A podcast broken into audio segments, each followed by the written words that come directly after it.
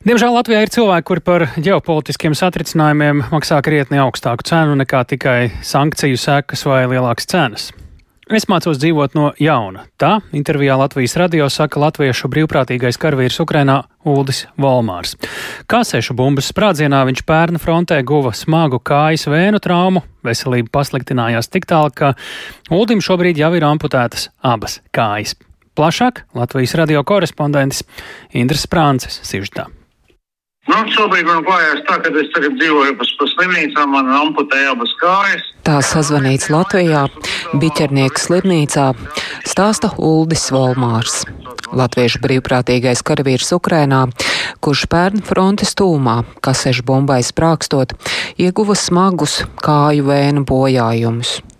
Trauma rezultātā veselība pasliktinājusies, un Uldis tagad ir palicis bez abām kājām mācos sēsties ratiņkrēslā un tikt uz kruķiem. Pirmo reizi karot Ukrainā Uldis ieradās pērn martā.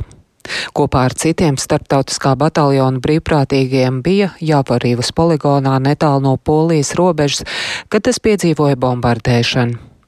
Pēcāk piedalījās Kīivas piepilsētas īrpiņas atbrīvošanā, uz brīdi bija atgriezies Latvijā, bet pēc tam jūnijā atpakaļ uz Ukrainas fronti Mikolājos apkaimē. Mēs bijām ar krieviem 300 metru attālumā viens no otra. Un, uh, mēs gājām atbrīvot ūdens staciju. Bet tur kaut kas, es domāju, ka mūs kāds nodeva, man tāds aizdoms ir. Jo mūs sāk bombardēt. Un tur mums 5 stundas tajā līnijā bombardē. Mēs netikām ne iekšā, ne ārā. Tā kā 5 stundas mēs sēdējām bedrēs vienkārši. Uzprātā, kas ir bumba, mēs apstādinājām tās asins, gaidīja, kamēr pierimsies, un tad gāja projām. Kasešu bumbas šķembas bija saplosījušas kājas vēnu, bet ar kolēģu atbalstu varējis izkļūt no ierakumiem. Ja man palīdzēja grūziņi, man grūziņi palīdzēja, to izdarīt labi. Sākotnēji pārvests uz vietējo kara hospitāli, bet tur tādas lietas kā asinsvadus neoperē. Tāpēc pārvests uz citu Ukraiņas slimnīcu. Tad iztaisīja pirmo operāciju Ukrainā teica, ka ir neveiksmīgi ja taisīs otru, tad būs jāaputē kāja. Nu, es nepiekrītu, un tad es devos uz Latviju. Te man izglāba to kāju, bet tā kāja bija tāda, ka viņa ar viņu varēja iet staigāt, bet viņa nu, pilnībā nefunkcionēja. Un tad ar laiku viņai iemetās kangrēni. No kājas nācies šķirties. Nogriezt to vienu kāju, tad pagāja pusotras mēnesis, un otrā arī parādījās kangrēni. Un tad man nogriez arī otru. Tas tāds, tāds īsumā būtu. Uldim, kas visu mūžu nodarbojies ar sportu, profesionāli spēlējis badmintonu un regbiju, jaunie apstākļi ir milzīgs izaicinājums. Es tagad mācos dzīvot pa jaunu, tagad uh, cīnos dzīvot pa jaunu. Ja? Nu, tur nav ko nokārt galvā, ja es nokāršu galvu, nu, tad, tad jau vairāk nav jēga dzīvot. Tāpēc uh, bija grūti, jā, bet es tiku pats galā. Es sportā biju ļoti ilgu laiku. Un, Tad es cīnījos pats ar sevi, atkal kārtējo reizi. Es, es domāju, ka es vinnēju. Izaicinājumi Uldim šobrīd ir milzīgi. Nevien fiziski un psiholoģiski pielāgoties dzīvē jaunajos apstākļos, bet arī atrisināt ikdienišķas problēmas. Ulda pasē beidzies derīguma termiņš un nav arī bankas kartes. Uldis nezina, kā tikt pie tām pašreizējā fiziskā stāvoklī, tāpat ir vēl arī daudz neatrisināti jautājumi saistībā ar sociālās palīdzības saņemšanu.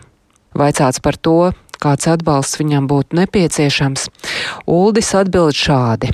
Mums jau baigi labi, varētu noformēt to pasīs un palīdzēt, to kā es nezinu, bet viņi jau nebrauc ārā, un tas arī tas citātais. Vismaz tā kaut kā, nu, ar laikam man būs tādās jālūdz kaut kāda sabiedrības palīdzība. Nu, tie protesti ļoti dārgs, man tāds naudas nav. Došanos uz Ukrainu karot, Uldis nenožēlo. Pirmais ir jātiek pāri sev.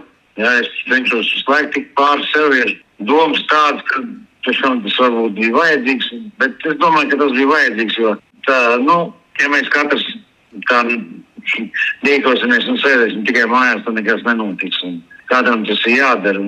Arī šobrīd, ārstējoties slimnīcā, Uldis seko līdzi Ukrainā notiekošiem.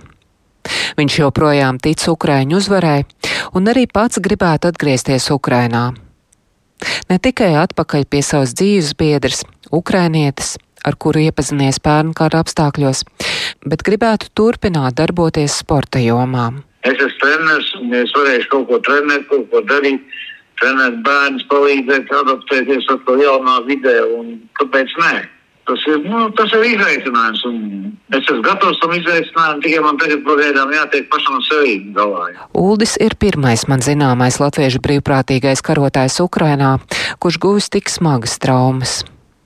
Kopumā, kopš vispārējā iebrukuma sākuma, Ukrainas aizstāvjiem cīņā pret iebrucēju no Krievijas pievienojušies nepilni 20 cilvēki. Taču šis skaitlis ir mainīgs, un ne visi cīnās frontē. Indra Sprānce, Latvijas radio Ukrainā. Lūk, vēl viena iespēja palīdzēt. Tātad dzirdējām stāstu par latviešu brīvprātīgo karavīru Ukrainā Uldi Volmāru, tomēr tajā paliek neatbildēts jautājums, vai un kā Latvija oficiāli ir gatava atbalstīt šādus cilvēkus. To centās noskaidrot kolēģi Agnija Lāsdiņa, ar kuru esam sazinājušies. Sveika, Agnija, stāsti, ko tev izdevās noskaidrot, kā tad ir, vai valsts atbalsta latviešu brīvprātīgos karavīrus, kas ir devušies palīdzēt Ukrainai, arī tad, ja viņiem ir šādas situācijas kā Udim Valmāram. Sveiki! Jā, jāatzīst, ka Ulda Volmāra gadījums ir īpašs un Latvijā ar šādiem nenākas bieži saskarties. Un, kā man stāstīja Nacionālo bruņoto spēku pārstāve, tad šobrīd tā situācija ir tāda, ka valsts neuzskaita brīvprātīgos latviešu karavīrus, kas ir devušies uz Ukrajinu karot.